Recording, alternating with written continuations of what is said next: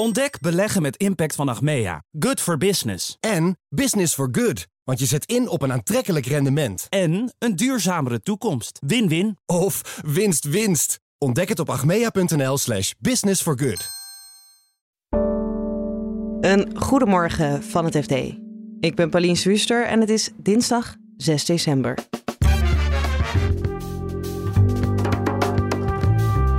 Onzekere tijden breken uit op de oliemarkt met de ingang van de Europese boycott op Russische olie en een prijsplafond. Het is eigenlijk een ongekende ingreep op de wereldwijde oliemarkt. Dat hebben we nog nooit gezien.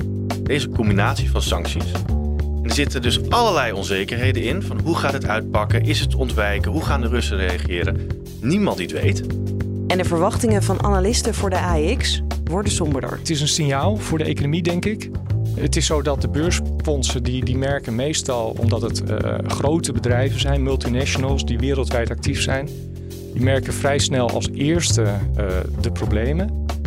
En uh, je ziet vaak dat het vaak ja, langzaamaan ook doorcijpelt zeg maar, in de economie. Dit is de dagkoers van het FD.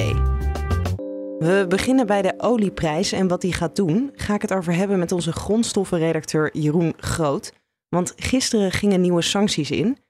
Ten eerste een Europese boycott op bijna alle Russische olie. En het tweede is dus dat er een prijsplafond komt voor Russische olie. Die wordt gekocht door andere landen die geen boycott hebben op Russische olie. Ja, maar dat hebben wij dus als Europa bepaald dat er een prijsplafond komt. Uh, ja, het idee was en is.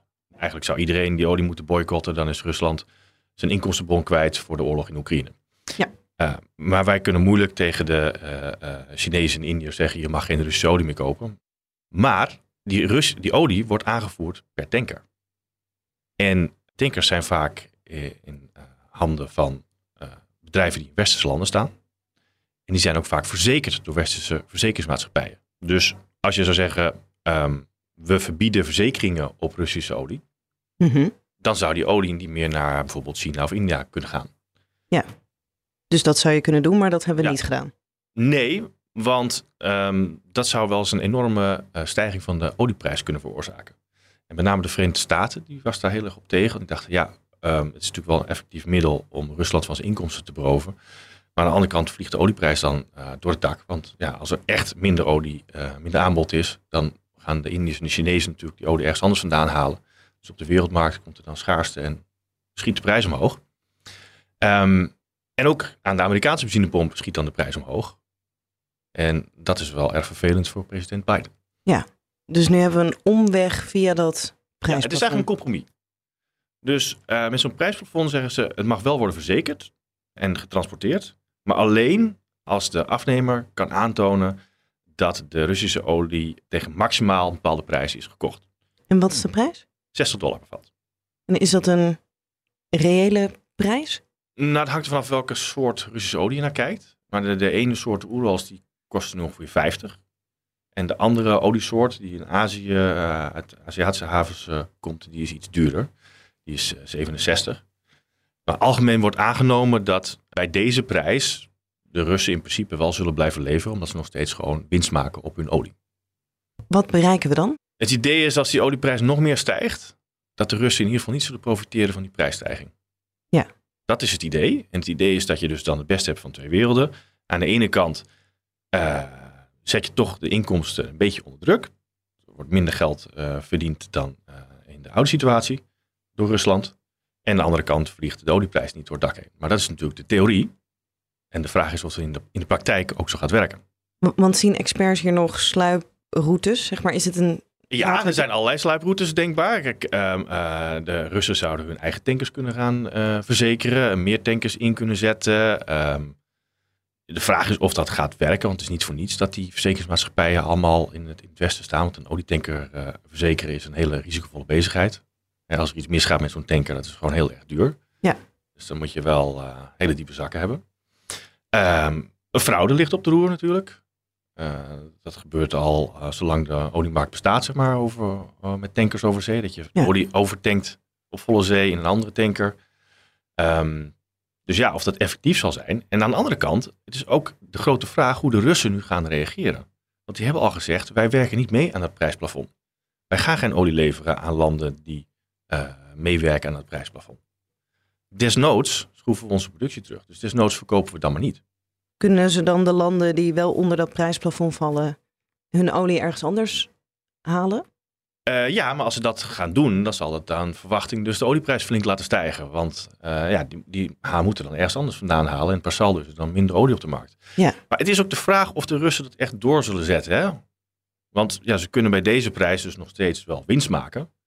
Uh, het zou eerder een soort principe kwestie zijn van ja, wij laten ons de wet niet voorschrijven en we laten de westerse landen niet vertellen tegen welke prijs we onze olie kunnen verkopen. Mm -hmm.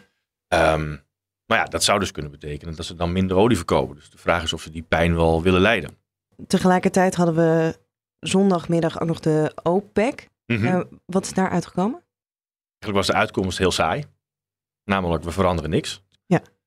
Um, maar je ziet daar wel, en je zag ook in het persbericht van de OPEC, dat ook zij denken van, we weten niet wat er gaat gebeuren. Er stond heel duidelijk stond erin van, we kunnen meteen weer ingrijpen als dat nodig is. We doen nu even niets. Maar ook zij weten niet hoe dit gaat, gaat uitpakken. Want dit is eigenlijk een ongekende ingreep op de wereldwijde oliemarkt. Dit hebben we nog nooit gezien. Deze combinatie van sancties. En er zitten dus allerlei onzekerheden in. Van hoe gaat het uitpakken? Is het ontwijken? Hoe gaan de Russen reageren? Niemand die het weet. Um, en hebben we het nu toch alleen nog maar gehad over het aanbod. Maar er is ook nog zoiets als de vraag naar olie. Die wordt voor een flink gedeelte bepaald door de vraag in China. Daar zat het halve land in lockdown vanwege corona. Ja. Het lijkt er nu op dat ze dat een beetje gaan terugdraaien. En als de economie weer open gaat, dan schiet de vraag ook omhoog. Maar ook dat is met onzekerheid omgeven. En ook China die gaat vallen onder dat prijsplafond. Uh, het gel geldt voor elk land dat Russische olie wil kopen. Ja. Dus die mogen geen westerse tanker inschakelen, geen westerse verzekeringsmaatschappij, tenzij je kunt aantonen, ik heb het voor minder ja. dan 60 En, en doorgaans hebben zij westerse tankers, westerse verzekeringen. Het marktaandeel is, is, is heel erg groot. Ja. ja dus de Chinezen zouden natuurlijk ook zelf kunnen gaan verzekeren, maar ja, dat is, dus, dat is allemaal... Alles is bewegend. Een beetje, ja, een beetje in oliethermen te blijven, een vat vol onzekerheden. Er zijn nu zoveel verschillende dingen die bewegen, zoveel verschillende onzekerheden, dat um, ja, het is echt een beetje stoelriemen vast op de oliemarkt. En dan gaan we naar de AX. De derde kwartaalcijfers zijn binnen en dus hebben analisten hun verwachtingen bijgeschroefd. Daar hoor je zo over van onze datajournalist Pim Kakenbeke. Maar eerst vertelt hij wat analisten een jaar geleden voorspelden. De analisten dachten nog dat de AIX ging stijgen tot uh, ver boven de 900 punten. Uh, dat was op het moment dat de AIX op 800 stond. Nou, inmiddels staan we alweer lager. Vanwege allerlei problemen natuurlijk die zijn ontstaan. Uh, en nu verwachten ze nog maar 850 punten ja. voor de AIX.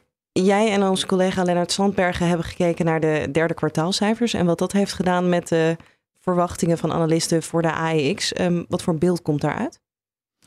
Nou, het beeld is echt wel dat uh, bedrijven last gaan krijgen van uh, die inflatie.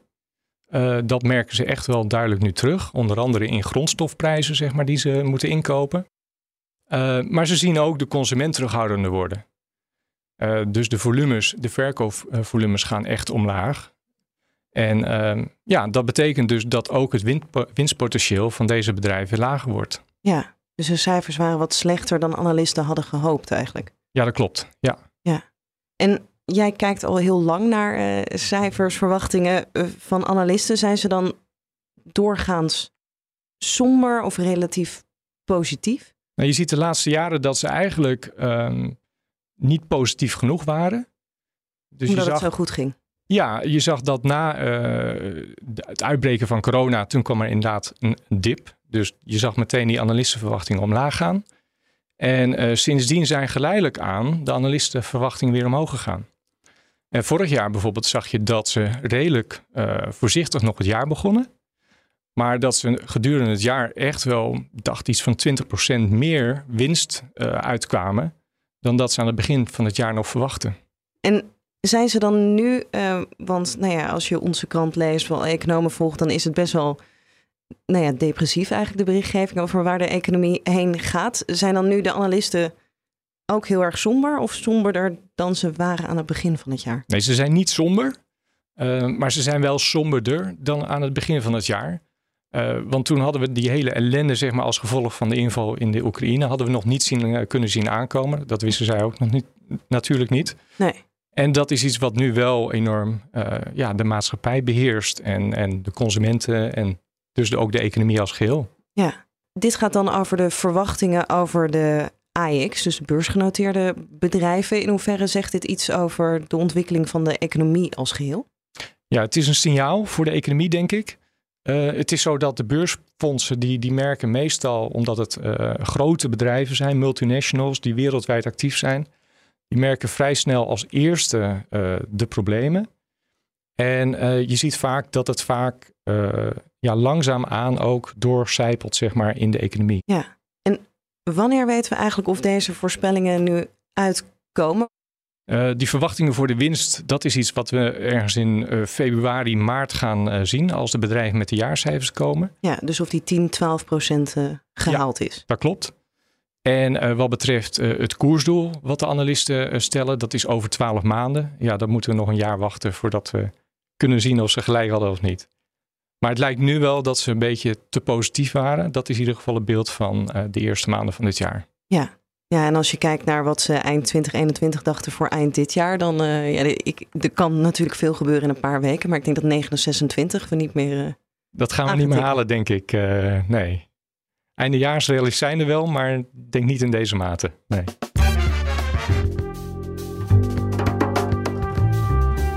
Dit was de dagkoers van het FD. Morgenochtend zijn we er weer met een nieuwe aflevering. Als je abonneert op dagkoers, krijg je die automatisch binnen. En ondertussen volg je natuurlijk het laatste financieel-economisch nieuws op fd.nl. Voor nu een hele fijne dag en graag tot morgen. Ontdek beleggen met impact van Achmea. Good for business. En business for good. Want je zet in op een aantrekkelijk rendement. En een duurzamere toekomst. Win-win. Of winst-winst. Ontdek het op achmea.nl slash business for good.